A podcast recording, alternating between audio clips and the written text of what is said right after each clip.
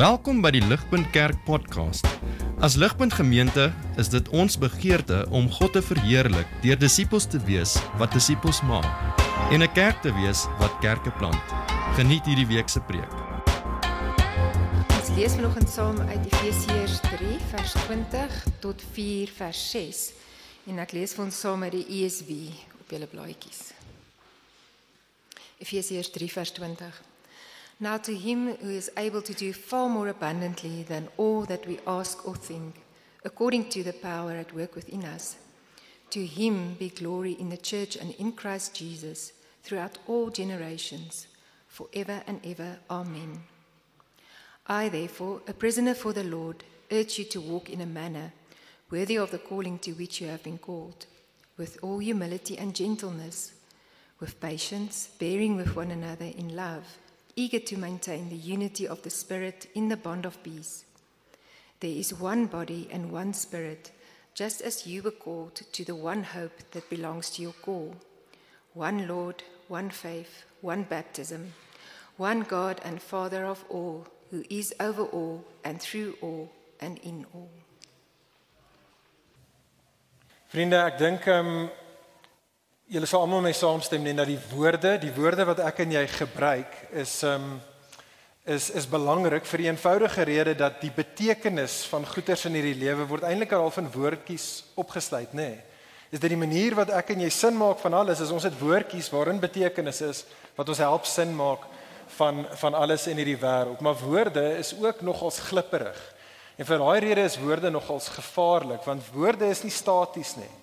Nee, woorde wat ek en jy vandag gebruik het hierdie subtiele geneigtheid om oor tyd so klein bietjie te te verander, om 'n tipe van 'n gedaanteverwisseling ondergaan. Verskillende mense in verskillende tye en in verskillende kontekste gebruik baie keer dieselfde woord, maar daai woord kry later amper 'n ander betekenis. Daar's 'n boek wat so, ek weet nie hoe lank terug uitgekom het nie deur 'n Suid-Afrikaanse ou dokter Andre Prinsloo. Die boek se naam is Die Dief van die Kers. En dit is 'n tipe van 'n woordeboek, maar dit is fascinerend. Wat hy doen is hy gaan en hy vat 1000 woorde, letterlik 1000 woorde in Afrikaans en dan wys hy hoe daai woorde oor tyd eintlik hulle betekenis het heeltemal ge, geskuif en dit het verander. Twee snaakse voorbeelde wat ek raak gelees het. Die een is hy verwys na die woord ambisie. Hy sê ons almal weet wat ambisie is. Ambisie beteken hierdie strewe, hierdie dryf wat iemand het om sukses te behaal. Maar hy sê daai woord oorspronklik het verwys na 'n persoon wat van huis tot huis gaan, deur tot deur klop uh, en gebedel het. En, en dis interessant, dit beteken dat daai woord het eers oor tyd wie weet hoe dit eintlik presies nou beteken hy die teenoorgestelde van wat hy oorspronklik beteken het. 'n uh, ander woord sê hy wat ook so gedaanteverwisseling ondergaan het is um, is die woord kandidaat.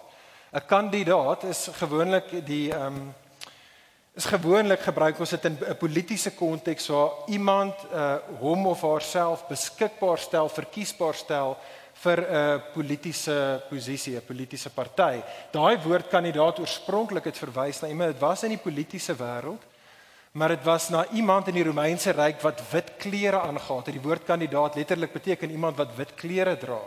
En die punt van die wit klere is dat dit het jou integriteit en jou reinheid, jou morele suiwerheid het dit gesimboliseer. Nou weer eens, sorry as jy dalk 'n politikus is, maar dit is nie heeltemal die eerste ding wat die meeste van ons aan dink as ons dink aan die idee van 'n politieke kandidaat. En nou ek wil vir ons vanoggend vriende nog so 'n voorbeeld gee van 'n woord wat gemorf het, 'n woord wat se betekenis verander het oor tyd. Hierdie kom nie van Dr. Prinsloo af nie, hierdie is my eie ene. En dit is die woord kerklidmaatskap. Die woord kerklidmaatskap. Ek dink wanneer die gemiddelde persoon daar buite en as ons moet eerlik wees met onsself, ons ook dink aan kerklidmaatskap, dan dink ons aan daardie woord in die organisatoriese sin van die woord. Wat ek daarmee bedoel, is ek en jy dink oor kerklidmaatskap soos wat ons dink oor om 'n uh, lidmaatskap te hê by jou local gym, by Virgin Active of ons dink aan dit om lidmaatskap te hê dalk by Pretoria Country Club. Dit is hoe ons baie keer oor dink. Dit is iets wat goed is, dis iets wat belangrik is, maar dit is iets wat in wese eintlik onpersoonlik is. Kerk is maar net nog 'n instansie wat ek aan behoort. Maar dit is eintlik iets op my terme. Ek is eintlik in wese 'n verbruiker van sekere goedere en van sekere dienste. Uh maar my lidmaatskap is geskei van my diepste wese. Ek kan in 'n mate vanaf die kerk half 'n arm afstand hou en net indip wanneer ook al ek dit so bietjie in my lewe nodig het. Maar vriende, oorspronklik wat daardie woord lidmaatskap, kerklidmaatskap beteken, Bybels gesproke wat dit na verwys, in die eerste plek mees fundamenteel, is nie iets organisatories nie, maar iets organies. Om 'n lidmaat te wees, is in die eerste plek om 'n ledemaat te wees. Ek weet nie of jy dit besef nie. Dit is hoekom veral die Engels help ons hier. Om 'n church member te wees is om 'n member of a body te wees. 'n Liggaamsdeel te wees. Met ander woorde vriende, oorspronklik is die idee van kerklidmaatskap in sy diepste sin van die woord persoonlik. Jy kan nie as 'n lidmaat arm afstand hou van jou kerk nie, want per definisie is jy die arm. Jy is deel van die kerk, jy is deel van die liggaam van Christus. En dit is wat ons mekaar aan wil herinner in hierdie kort volgende 3 weke in Efesiërs hoofstuk 4. Ons soos ek gesê het, gaan kyk na Efesiërs hoofstuk 4. Ons gaan dit doen oor 3 weke. En hierdie is my groot gebed hierdie is die teses van hierdie kort reeks is dat as ons uh, vriende maar net Bybelse oortuiging kan kry en kan verstaan dat die kerk is hierdie is die metafoor wat Paulus gebruik die kerk is die liggaam van Christus. As ek en jy dit net werklik sou begryp sou besef nie net met ons koppe nie maar in ons harte dan sal ons beter verstaan hoekom kerklidmaatskap so belangrik is En dan sal ons baie gretig wees om 'n mense te wees wat onsself daadwerklik offisieel verbind aan ander gelowiges. En so 3 weke, 3 redes wat ons gaan sien oor die volgende 3 uh, eh, weke oor hoekom kerklidmaatskap belangrik is. Vandag kyk ons na hoofstuk 4 vers 1 tot 6 spesifiek wat daar op julle blaadjies is. En dan gaan sommer in die begin vir ons die rede gee en dan gaan ons sien hoe die teks dit beantwoord. Maar die eerste rede hoekom kerklidmaatskap, hoekom dit belangrik is vriende vir ons om onsself aan mekaar te verbind is want Efesiërs 4 vers 1 tot 6 want God het in Jesus deur sy gees reeds ons aan mekaar verbind. En dit is wat ek wil hê ons moet sien en ek wil hê ons moet dit sien aan die hand van drie opskrifte vanoggend. OK. So hou asseblief jou blaadjie byderhand, hou daai teksgedeelte byderhand. Ek gaan vandag uit die Engels uitwerk want ek dink die Engelse vertaling hier help ons net so klein bietjie meer met party van die belangrike woorde. Drie opskrifte, hier's die eerste een. Kyk saam met my daarso. sien raak saam met my die kerk se roeping. Efesiërs 3 vers 20 tot 21. Die kerk se roeping. Vriende, as ek en jy 'n Bybelse verstaan van kerk wil hê, dink ek nie is daar 'n beter boek in die Nuwe Testament as die boek Efesiërs nie. Die boek breek op in perfekte twee simmetriese helftes. Jy het hoofstuk 1 tot 3 waar Paulus vir ons die lering aangaande die kerk gee. En dan Efesiërs hoofstuk 4 tot 6 gee hy vir ons die toepassing wat dit beteken om as die kerk in hierdie wêreld te lewe. En so in daai eerste gedeelte in in Efesiërs hoofstuk 1 tot 3 begin hy deur ons te vertel in hoofstuk 1 en 2 vertel hy vir ons hoe God die kerk tot stand gebring het. Wat Paulus sê in Efesiërs hoofstuk 1 is dat God het ons het dit gesing vanoggend voor die skepping reeds het God dit so bestem en besluit dat hy gaan 'n mense vir homself sy eie mense maak wat hy met sy seun Jesus gaan verbind en hy gaan vir hulle sy gees gee as die seël as die bewys van hulle ewige erfenis in sy familie. Dis Efesiërs hoofstuk 1. Efesiërs hoofstuk 2 het Paulus gesê en hierdie God het toe in wêreldgeskiedenis in die seën en in die gees in hierdie wêreld ingebreek en die gees het mense wat dood is lewend gemaak en die gees het hulle deur geloof aan Jesus verbind. Efesiërs hoofstuk 2 sodat die kerk nou 'n mense kan wees wat nie net met God versoen is nie, maar wat ook nou versoen is met mekaar. So dis Efesiërs hoofstuk 1 en 2 hoe God die kerk tot stand gebring het, maar dan Efesiërs hoofstuk 3, dis waar ons nou kom gee Paulus vir ons die hoekom. Hoekom het God dit gedoen? Hoekom het God besluit om 'n mense vir homself aan te neem? En wat Efesiërs 3 sê, in Efesiërs 3 vers 10 is want God het dit so gekies dat hierdie nuwe mense, die kerk, inderdaad die vertoonvenster van hom vir die wêreld sal wees sodat mense na die kerk kan kyk en kan sê wow maar hierdie God is amazing sien die wysheid van hierdie God sien die mag en die krag inderdaad sien die glorie die heerlikheid van hierdie God raak. Dit is hoekom God die kerk tot stand gebring het. Sien hoe dit is hoe ons gedeelte wat aan die einde van daai eerste helfte staan maar hoe ons gedeelte dan juis met daai waarheid begin. Lees saam met my daar vriende soos wat ek vir ons Efesiërs 3 vers 20 en 21 weer in die Engels lees. Paulus begin ons gedeelte eindig die eerste helfte en hy sê Now to him who is able to do far more abundantly than all that we can ask or think according to the power at work within us. To him be glory in the church and in Christ Jesus throughout all generations forever and ever. Amen 'n ander woord wat ek dink almal van ons mee uh, vertroud is vriende is die idee van 'n ambassadeur, nê? Nee, ons almal weet wat 'n ambassadeur is. Ek het dit vinnig gegoogel hierdie week en wat Merriam-Webster Dictionary sê, hierdie is die offisiële definisie van 'n ambassadeur. 'n Ambassadeur is an official envoy sent to a foreign government as the hier's die belangrike gedeelte as a resident representative of his or her government. Ons gebruik selfs die idee van 'n ambassadeur nê nee, op 'n baie informele manier in ons wêreld. Daar's baie keer hierdie celebrities, sportsterre, musiek of akteurs wat ambassadeurs word vir maatskappye. So jy het ek weet nie, jy het Pepsi of jy het ek weet nie wat nie een of ander parfuum ek ken nie parfuum in die Dior of whatever dit mag wees Tag Heuer horlosies en dan het hulle 'n ambassador een of ander persoon wat hulle aanstel wat in 'n mate daar is om die public image dit wat hierdie maatskappy baie graag wil kommunikeer oor wie hulle is moet die ambassadeur van daai produk dan in 'n mate verteenwoordig en vergestaal in die wêreld. Vriende dit is in wese wat Paulus sê wat die Bybel sê die bestaansrede is van die kerk.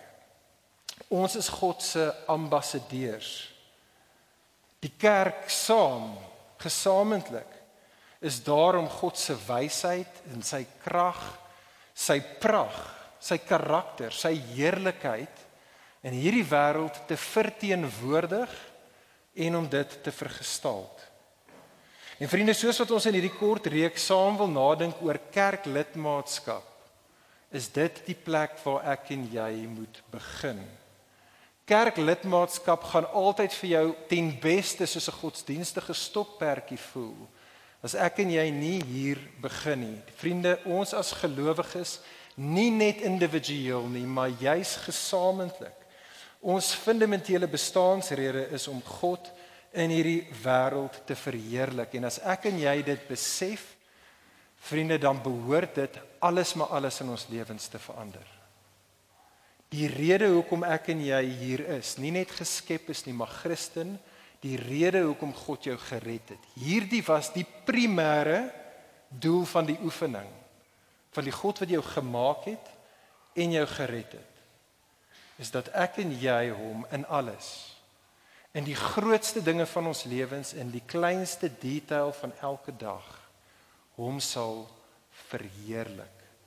Baie van hom sal maak deur hoe ons lewe hom sal laat goed lyk sodat ander sê sê wow. Hierdie God is amazing. Dit is wat Paulus se punt is. Ek wil dit vinnig vir ons wel lees. Dit is dan wat Paulus gaan doen in die res van Efesiërs 4 en 5 en 6. Hy wil vir ons sê hoe lyk dit om God te verheerlik as die kerk in die granular klein detail van alles in ons lewens. So ek gaan dit net lees, luister, jy kan dit gaan studeer op 'n latere stadium. Maar vriende, ek wil hê jy moet dit hoor want hierdie is waar vir jou en vir my. Hierdie is die roeping op jou lewe en op my lewe, op ons lewe. Gelowige, ons word geroep Efesiërs 4 vers 26 om nie mense te wees wat lieg en bedrieg nie, sê Paulus. Dis letterlik wat hy daarso sê maar om in alles in ons lewens die waarheid te praat tot die verheerliking van God. Efesiërs 4 vers 27 ons word geroep om selfs wanneer ons regmatig kwaad is, byvoorbeeld in 'n land soos Suid-Afrika, veral van die veral die gemors wat aangaan, word ons geroep om nie in ons woede te sondig nie. Ons word geroep Efesiërs 4 vers 28 om nie te steel nie, maar eerder om altyd hard te werk, eerlik te werk en die vrug van ons opbrengs met ander te deel het Paulus gesê in vers 28. Efesiërs 4 vers 29, ek en jy word geroep om nie lelik van ander te praat nie. Ons as gelowiges word geroep om nie lelik met ander te praat nie. Vers 31 tot 32, ons word geroep om nie te vloek en te skel nie, maar eerder om goedhartig te wees. Ek en jy word geroep om vergewensgesindheid vergewensgesind teenoor ander te wees. Efesiërs 5 vers 3 tot 5. Ek en jy word geroep om seksuele sonde neer te lê. Ek en jy word geroep om geldgierigheid en alle forme van gierigheid sê Paulus neer te lê. En dan gaan Paulus aan in Efesiërs 5 vers 22 tot 33 en hy sê hierdie roeping op jou en my lewe dat ek en jy vir God moet verheerlik behoort selfs tot in ons huwelike in gemassage te word. Paulus sê dit behoort te affekteer Christen man die manier wat jy jou vrou hanteer. Ek en jy word geroep om ons lewens neer te lê soos wat ons ons vrouens dien en beskerm en die beste uit hulle uitbring. En vrouens sê Paulus ons word julle word geroep om God te verheerlik deur julle lewens neer te lê deur julle mans se nederigheid te volg en te respekteer.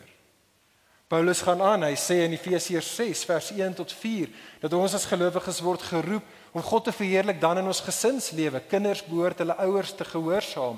Ouers behoort nie hulle kinders te breek met hulle onredelikheid nie.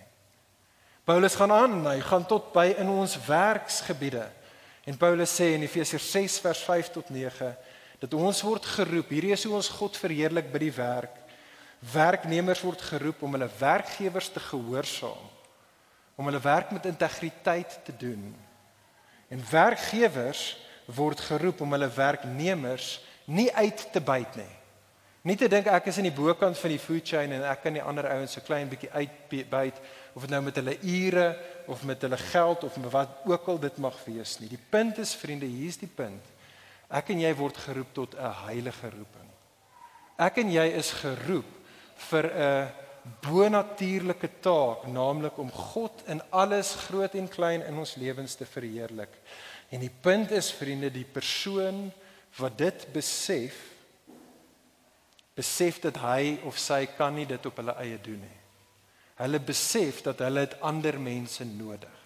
Sulke mense wat besef dit is wat hulle taak is elke dag soos hulle opstaan in hierdie wêreld, besef Dis 'n taak te groot vir my. Ek kort ander. Ek kort 'n band of brothers and sisters. Anders wat my kan herinner aan die God met wie ek in verhouding staan. Wat my kan herinner aan hierdie roeping vir my. Ek het ander nodig om my te bemoedig en my aan te spoor. Ek het nodig om ander wat my sal aanvul.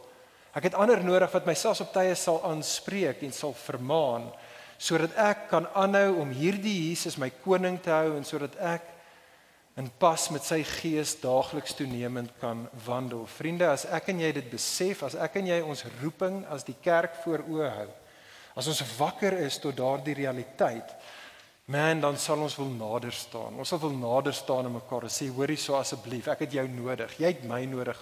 Ons het mekaar nodig. Kom ons trek saam. Kom ons werk saam. Kom ons wees kerk. OK, dis die eerste ding wat ek wil hê ons moet sien. Hier's die tweede waarheid in hierdie gedeelte, vriende, die tweede opskrif in ons gedeelte. Kyk saam met daar in Efesiërs 4 vers 1 tot 3. As jy kyk na die kerk se roeping, sien raak saam met my dan die kerk se wandeling. Nou in 'n mate het ek nou net baie van dit vir ons sopas klaar gekommunikeer in Efesiërs 4 en 5 en 6. Want daar het Paulus in die res van die gedeelte kommunikeer hy hoe lyk die kerk se wandeling? En daai woordjie wandel wat ons hier in ons gedeelte het, kom reg deur daai gedeelte ook voor. Maar Paulus begin reg aan die begin hier in vers 1 tot 3 van hoofstuk 4 om te sê maar hierdie is die hierdie is die eerste implikasie van hoe hierdie Christens Christen kerk se wandeling lyk. Die heel eerste ding amper soos daar in die engine kamer, dit wat gaan maak dat ons die res van die goeders in ons lewens kan doen. Die eerste ding sê Paulus daar, kyk saam met my in vers 3. Die eerste opdrag vir ons is to maintain the unity of the spirit in the bond of peace. Vir Paulus is hierdie die eerste en die belangrikste ding soos wat die kerk 'n heilige roeping het. Eerste ding kerk, gelowiges, geloofsgemeenskap bewaar die eenheid en die vrede, beskerm die eenheid en die vrede wat ons in God in Jesus deur sy gees geniet. En die manier om daardie eenheid en vrede sê Paulus te be, te behoed en te bewaar, sê Paulus is soos wat ons as gelowiges gekenmerk word deur vier eienskappe in ons lewens. sien jy dit daar in vers 2? Die eerste ding sê Paulus is dat ons as die kerk het nodig het nodig om deur nederigheid gekenmerk te word. Nou daai woordjie nederigheid is interessant. Dis 'n woordjie, dis natuurlik oorspronklik in Grieks geskryf, maar in die Griekse wêreld gebruik Grieke nooit die woordjie nederigheid in 'n positiewe sin nie. Dit was 'n 'n postuur wat slawe ingeneem het. Dit was dit dit was benede die Grieke gewees. Nederigheid, daai woordjie is om na ander te kyk en dit sien dink ander is belangriker as ek. Ander is meer spesiaal en meer kosbaar as ek. Paulus sê kerk dit is hoe jy moet wandel ten einde seker te maak dat eenheid en nederigheid in julle midde is. Die tweede woordjie daar wat Paulus na verwys is die woordjie in die Afrikaans ten minste die woordjie sagmoedigheid. Nou sagmoedigheid om hier sag te wees beteken nie jy's 'n softie nie. Dit beteken nie dat jy's iemand wat net sommer almal se vloerlap is nie. Nee, ironies is sagmoedigheid kommunikeer 'n persoon se diep innerlike krag. Dis die ironie van daai woordjie. 'n Sagmoedige, 'n meek persoon in die Engels meekness is hierdie diep krag, 'n diep innerlike stabiliteit wat 'n persoon het wat beteken dat dis nie iemand wat so insecure is dat hulle heeltyd voel hulle hulle moet heeltyd hulle self bewys nie. Hulle het nie hulle is nie iemand wat heeltyd voel dat hulle moet op hulle regte aandring en hulle moet hulle opinie op ander afdwing nie. Hulle kan sagkens met ander omgaan want hulle het hulle die diep krag en innerlike sterkte in hulle. Paulus sê vir ons as die kerk gelowiges, dit is hoe ons moet wandel in sagmoedigheid. Die derde kenmerk sê Paulus is lankmoedigheid, ten minste in Afrikaans. Die Engels sê daar patiently bearing with others. Met ander woorde, ons word geroep sê Paulus om geduldig te wees met mekaar. Ons word geroep om geduldig te wees met mekaar se tekortkominge, met mekaar se behoeftes en selfs om geduldig te wees met mekaar se worsteling en falinge wanneer dit kom by ons sondes. Om lankmoedig te wees, soos Afrikaans dit baie mooi sê, beteken dat jy lank sal moed hou met die las wat iemand anderste op jou plaas. Jy gaan nie vinnig wees om op te gee op hulle nie. Jy is lankmoedig. Vierdens dan is die kenmerk wat Paulus sê ons as 'n geloofsgemeenskap behoort te kenmerk is liefde. Nou liefde is amper nie 'n vierde ding in die lys nie. Dit is soos die kroon waarop hierdie ander edelgesteentes op geplaas is. En onthou vriend vriendin dat in die Bybel is liefde verwys nie in die eerste plek na 'n gevoel nie, maar dit is 'n doenwoord, dit is 'n daad, dit is 'n aksiewoord. Liefde is om jou lewe neer te lê vir die voordeel van ander jy as dit ware neem swaar kry op jou sodat iemand anderste seëning kan geniet. Dit is wat liefde is. Kyk gou vinnig saam met op die skerm. Ehm um, op die skerm behoort daar te kom. Daai is ons almal is vertroud met die United Nations. Ek het dit letterlik gescreenshot gister uh vinnig. Daai kom van hulle webwerf af, die United Nations. Hierdie is soos hulle tagline wat natuurlik hulle hulle bestaansrede kommunikeer of hulle visie kommunikeer peace and dignity and equality on a healthy planet. Ja United Nations dis is heel okay dink ek. Ek dink hulle hulle hulle hulle hulle hulle bedoelings is goed. Is treffend daarsin op hulle tagline dat presies dit wat Paulus in vers 3 sê hy graag wil sien tot realisering kom unity and peace is presies dit wat die United Nations sê hulle is die hulle wil unity sien, hulle wil vrede sien bewerkstellig word. Maar vriende, die realiteit is net ten spyte van die biljoene op biljoene dollars wat die United Nations elke jaar in hierdie wêreld ingooi om eenheid en vrede te bewerkstellig met al die slimste van ouens wat die slimste van planne maak kry hulle nie reg om om om vrede en eenheid tot stand te bring nie. Hoekom nie? En dis belangrik vir ons. Dis belangrik om die boek Efesiërs te verstaan. Die rede is vriende van die mensdom Ons as die mensdom se fundamentele probleem is nie fisies of intellektueel nie. Ons fundamentele probleem is geestelik.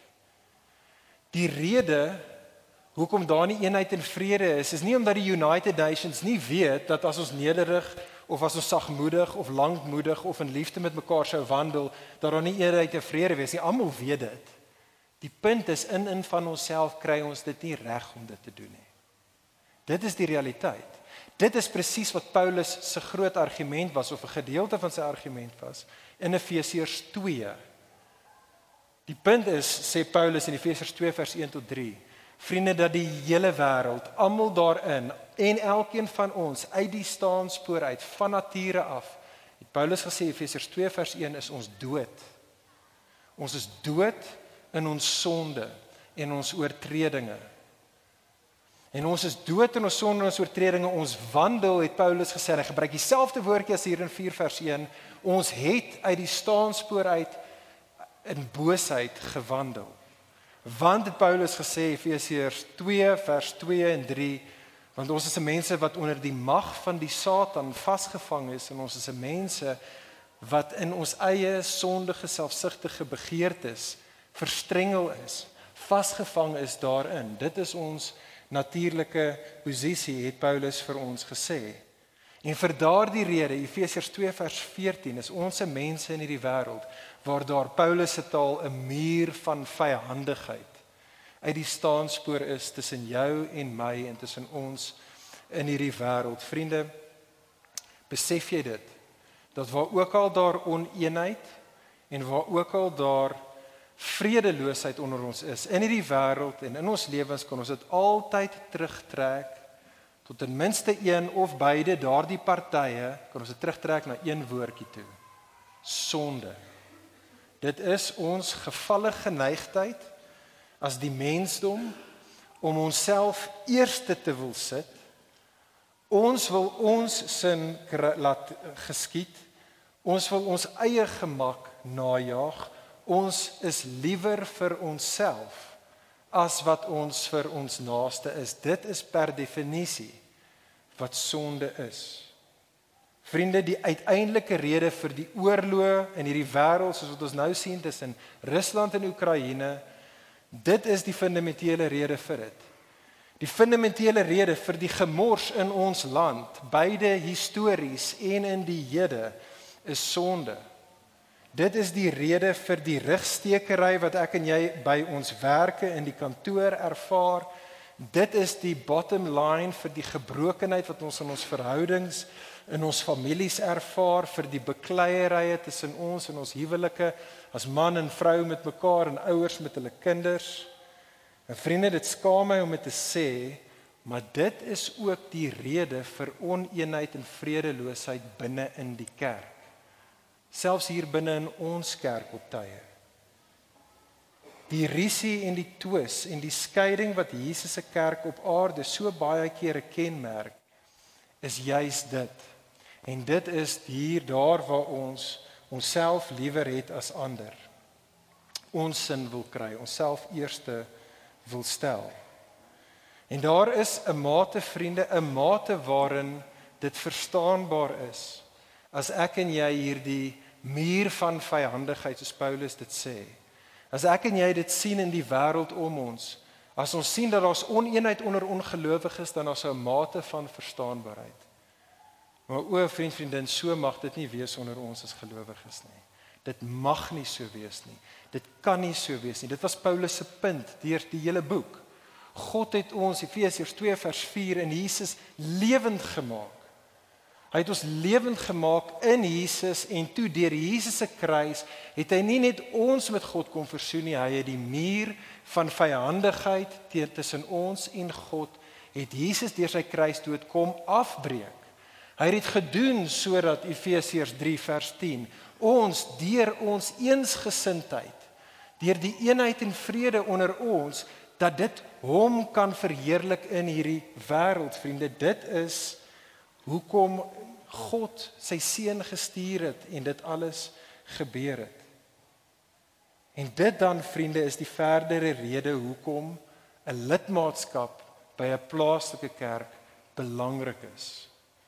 Want ek en jy besef hoe swak ons is. Selfs as wedergebore kinders van die Here is ons so swak en sondig en simpel op tye dat ons besef dit is so belangrik dat eenheid en vrede tussen ons heers. Dit is vir God so 'n big deal dat ons wil seker maak dat ons soveel as wat dit menslik moontlik is in die krag van die Gees dat ons eensgesind met mekaar kan wees. Hoe kan ons seker maak dat ons eensgesind met mekaar bly voortbestaan? Vriende, kyk gou vinnig saam op die skerm. Hierdie is 'n uh, uh, dit kom uit ons ehm um, nuwe verbintenis uit wat ons na die vakansie so 'n bietjie na gaan kyk. Dis letterlik die nuwe verbintenis het net 5 punte waarom ons saam rally by mekaar. Hierdie is die 4de van daardie 5 punte waarom ons saam rally. En dit lees as volg: We commit to diligently preserve unity and peace in the church. Byvoorbeeld soos in ons gedeelte vandag dit wys, Efesiërs 4 vers 1 tot 3. Maar dis makliker gesê as gedaan. Dis maklik om dit te tik op 'n stuk papier. En vriende, ons almal weet en ons is bewus daarvan in ons eie lewe hier in Ligpunt hoe moeilik dit is hoe moeilik dit vir ons is om dit wat ons tot geroep is, ons heilige roeping om eenheid en vrede te bewaar in ons midde. Deur daai karaktereienskappe van vers 2 uit te lewe. Ons weet hoe ons saglik moeilik is dit en ons kan nie dit doen in van onsself nie. Selfs as kinders van die Here met die gees van God in ons het ons bonatuurlike bemoediging en motivering nodig vir dit. En dit bring my by die laaste ding wat ek wil hê ons in die gedeelte moet sin, sien. Kyk saam met my in die laaste paar versies daar in Efesiërs 4 vers 4 tot 6 die kerk se motivering.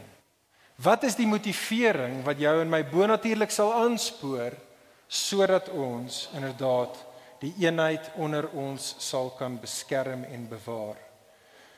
En dit is wat ons sien in vers 4 tot 6. Daai laaste paar versies. Kyk gesame in die teksgedeelte. Dit lees as jy so vinnig deur dit lees, lees dit so klein bietjie anderste as die res. Dit is bietjie meer dens geskryf, tel jy dit op. Dit is nogal stomp uh, en lomp amper geskryf. Meeste kundiges sal buite sê hierdie woorde wat ons het in vers 4 tot 6 is soos 'n copy and paste wat Paulus eers uit 'n geloofsbelijdenis, 'n creed van die vroeë kerk af uitgevat het. Dit wat die kerk oral gesê en bely het in die eerste eeu en Paulus trek dit as dit ware hierin om sy punt te maak. Wat Paulus hierso sê in vers 4 tot 6 is hy lys hier sewe waarhede wat hy sê hierdie is die kerk se realiteit. sien jy hoe begin dit daar ten minste in die Engels? Hy sê hierdie is dinge wat daar is. Hierdie is net hoe dit is. Wat kan jy dit like of nie en of ons dit voel of nie? Hierdie is wat is. Wat is die sewe dinge? Paulus sê daar's een liggaam. Daar is een gees, daar's een hoop, daar's een Here, daar's een geloof, daar's een doop en daar's een God en Vader. Dit is nogals 'n moeilike gedeelte hier en ouens soos in verskil presies oor hoe daai sewe een ene van goeders wat Paulus hier noem presies bymekaar sit, maar ek dink die oorhoofse idee wat Paulus probeer hier kommunikeer is nogals eenvoudig, dink ek. OK. Kyk saam met my op die skerm. Paulus se punt dink ek hier is die volgende. In die eerste plek wil Paulus jou en my en ons as gelowiges herinner aan die God met wie ons in verhouding staan. Daardie God is die drie enige God. Met ander woorde, daar is een God in drie persone. Vader, Seun en Heilige Gees. Een God, maar hierdie een God drie persone het verskillende rolle maar totale gelykheid en daardie God in drie persone is een in wese. En Paulus se punt is eenvoudig: soos vir God, so vir gelowiges. Ja, dit is so vriende. Dit is so dat ons vanaf ons perspektief af, nê, nee, soos van ons perspektief af as ons kyk na die kerke in hierdie wêreld, dan sien ons baie baie verskille onder die kerk. En ja, dit is so party kerke is 'n duideliker en 'n meer getroue vergestalting van die ware God as ander. En ook wat ons weet is dat daar is iets soos 'n valse kerk, die valse kerk. Die Nuwe Testament is duidelik daaroor. Daar's kerke wat dieselfde woorde gebruik, maar hulle is totaal en al nie in sink met die ware God wat homself openbaar het nie. Dit is so. Maar Paulus se punt is hier is met betrekking tot die ware kerk vanaf God se perspektief af. Vanaf God se perspektief af sê hy is daar net een kerk. Daar's net een liggaam van Christus. Dit was sy punt in Efesiërs 2 vers 14. Daar's net een nuwe mens wat in Christus nou met mekaar verbind is. Daar's net een hoop al God se mense wat God se mense is, die kerk in geheel oral, het net een hoop, Efesiërs 1 vers 10, en dit is dat alle dinge eendag onder Jesus se heerskappy gebring sal word en ons vir ewig in sy erfenis sal deel. Volgens die punt is is dat daar is net een geloof. En hier bedoel die woordjie geloof die openbaring van God, daardie waarhede wat die kerk homself ombind. Die een geloof het Paulus in Efesiërs 2 vers 20 gesê is die openbaring van God in die Nuwe Testament apostels en in die Ou Testament profete. Dis die een geloof wat ons die een kerk het. En sê Paulus, daar is net een doop. Met ander woorde, daar is net een groep mense wat in Christus met God in 'n verbondsverhouding staan. Kyk saam met my hier na hoe John Stott dink ek hierdie punt vir ons mooi opsom van vers 4 tot 6. Dit behoort op die skerm agter my te wees. John Stott se punt is hy sê dit baie mooi dink ek. Hy sê you can no more multiply churches than you can multiply God. It is no more possible to split the church than it is to split the Godhead. En vriende, hierdie is dan hoekom die eenheid van die kerk so belangrik is en hoekom dit so belangrik is dat ek en jy dit voor oë hou want dit is deur te onthou dat ons reeds een is dat ons die bonatuurlike motivering het om eensgesindheid na te jaag. Kom ek gee dit vir jou aan die hand van 'n voorbeeld. Uh, ek en my vrou Anson doen, doen baie huweliksberading. En baie kere elke nou en dan kry ons geleentheid om by ander kerke so klein bietjie uh, te praat oor die huwelik. Nou wanneer 'n paartjie na ons toe kom en hulle sukkel in hulle huwelik en daar is oneenheid en daar's vredeloosheid tussen die paartjie, deur die bank elke keer het ek en Anson met hulle altyd dieselfde gesprek. Een gesprek. Ons begin en die punt van ons ontmoeting met hulle is om hulle te herinner dat God het hulle as 'n paartjie reeds een gemaak. Dit is hoekom ons sê in Engels it's a marriage union. Ons is in die eg verbind. Genesis 2 vers 24 God het ons reeds een vlees gemaak. Jesus stel dit op in die evangelies. Paulus in Efesiërs 5 haal daai einste waarheid aan om te sê 'n man en 'n vrou dis iets wat God reeds gedoen het. God het hulle een gemaak. En wanneer ek en aansien met 'n paartjie sit en hulle sukkel en hulle het nie eens gesindheid nie, wat doen ons? Ons herinner hulle aan wat is hulle fundamentele realiteit. Wat is die diepste ding wat waar is van hulle? Dit is nie hoe wat tans tussen hulle aangaan nie. Dit is 'n realiteit, maar dis nie die diepste realiteit nie. Wat waar is van hulle is nie wat hulle voel nie. Imagine hoe horrible sal dit wees as jy jou huwelik bou op julle dade en julle gevoelens. Imagine hoe verskriklik katastrofies dit moet wees. Wat ons doen is ons herinner hulle dat God het hulle een gemaak.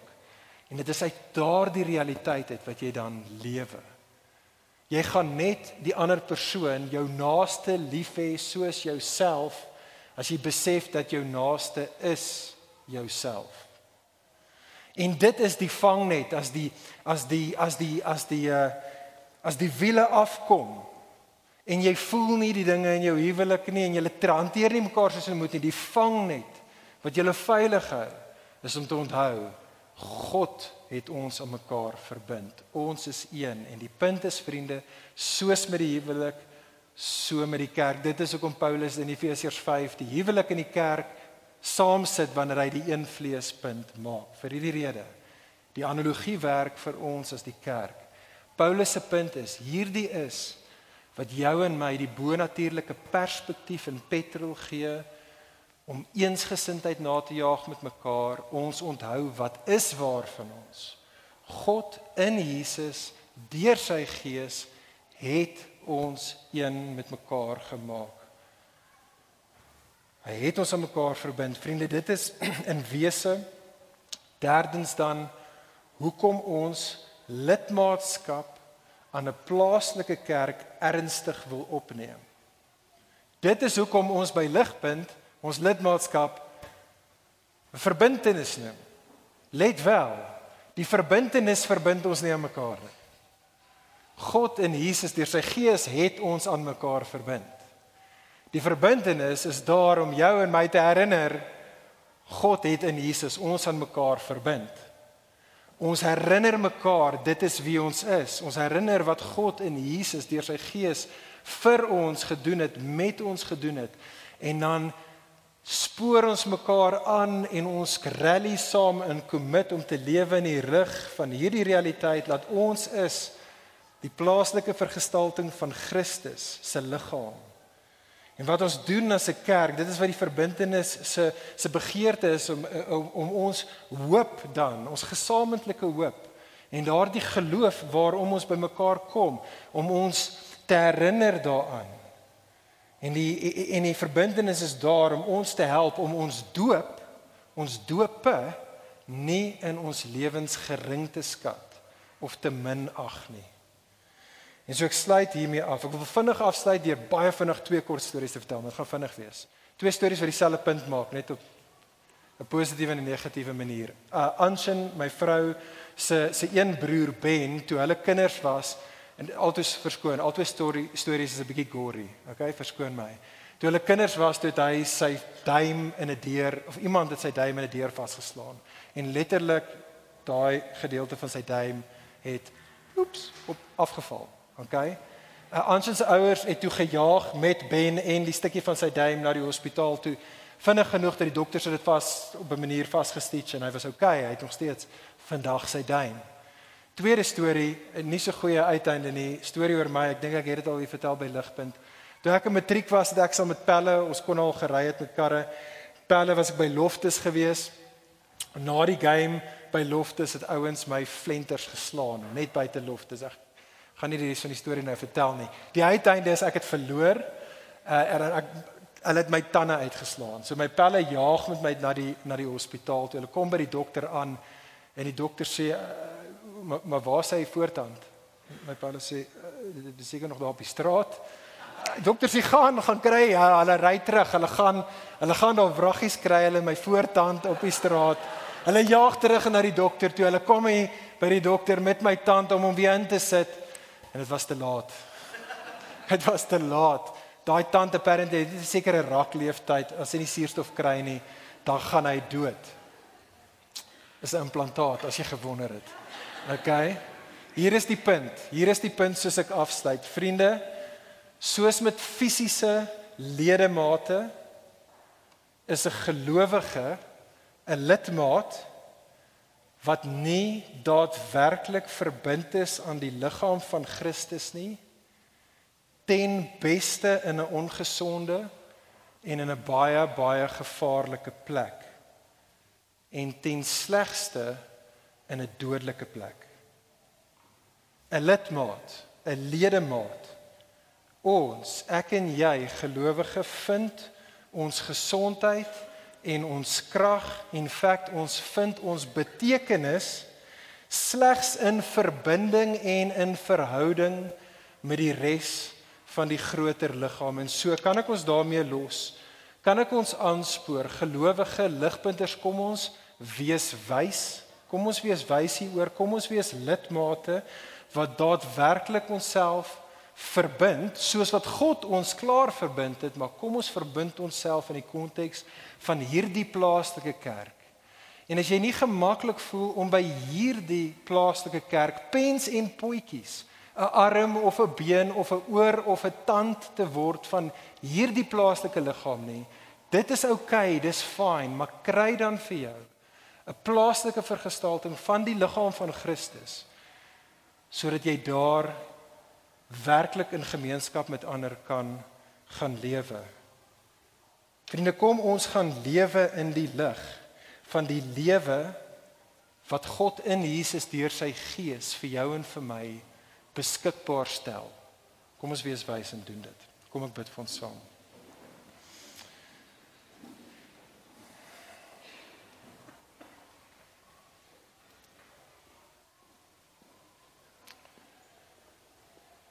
Ja, Hemelse Vader, ons loof en ons prys U weer eens vanoggend soos ons herinner word van hierdie wonderlike ding wat U besig is om in wêreldgeskiedenis te doen, naamlik 'n mense vir u self u eie te maak verenig met u in Jesus deur die gees nie net met u nie maar ook met mekaar. Ons loof en ons prys u o Heer dat ons hoef nie alleen te wees nie. Ons het 'n familie. Ons is een. Ons loof en ons prys u vir dit wat u gedoen het. Maar o Here u ken ons swakheid en ons sondigheid. En so Here ons pleit u om deur die gees ons te herinner aan ons eenheid en dat U ons sal aanvoer, aanvuur om eensgesind met mekaar te lewe vir ons eie voordeel en ons eie vreugde vir die verlossing van die wêreld en uiteindelik vir U verheerliking. Ons bid dit in Jesus se goeie naam. Amen. Vir meer inligting oor Ligpunt Kerk, besoek gerus ons webwerf op www.ligpunt.com of kontak ons gerus by info@ligpunt.com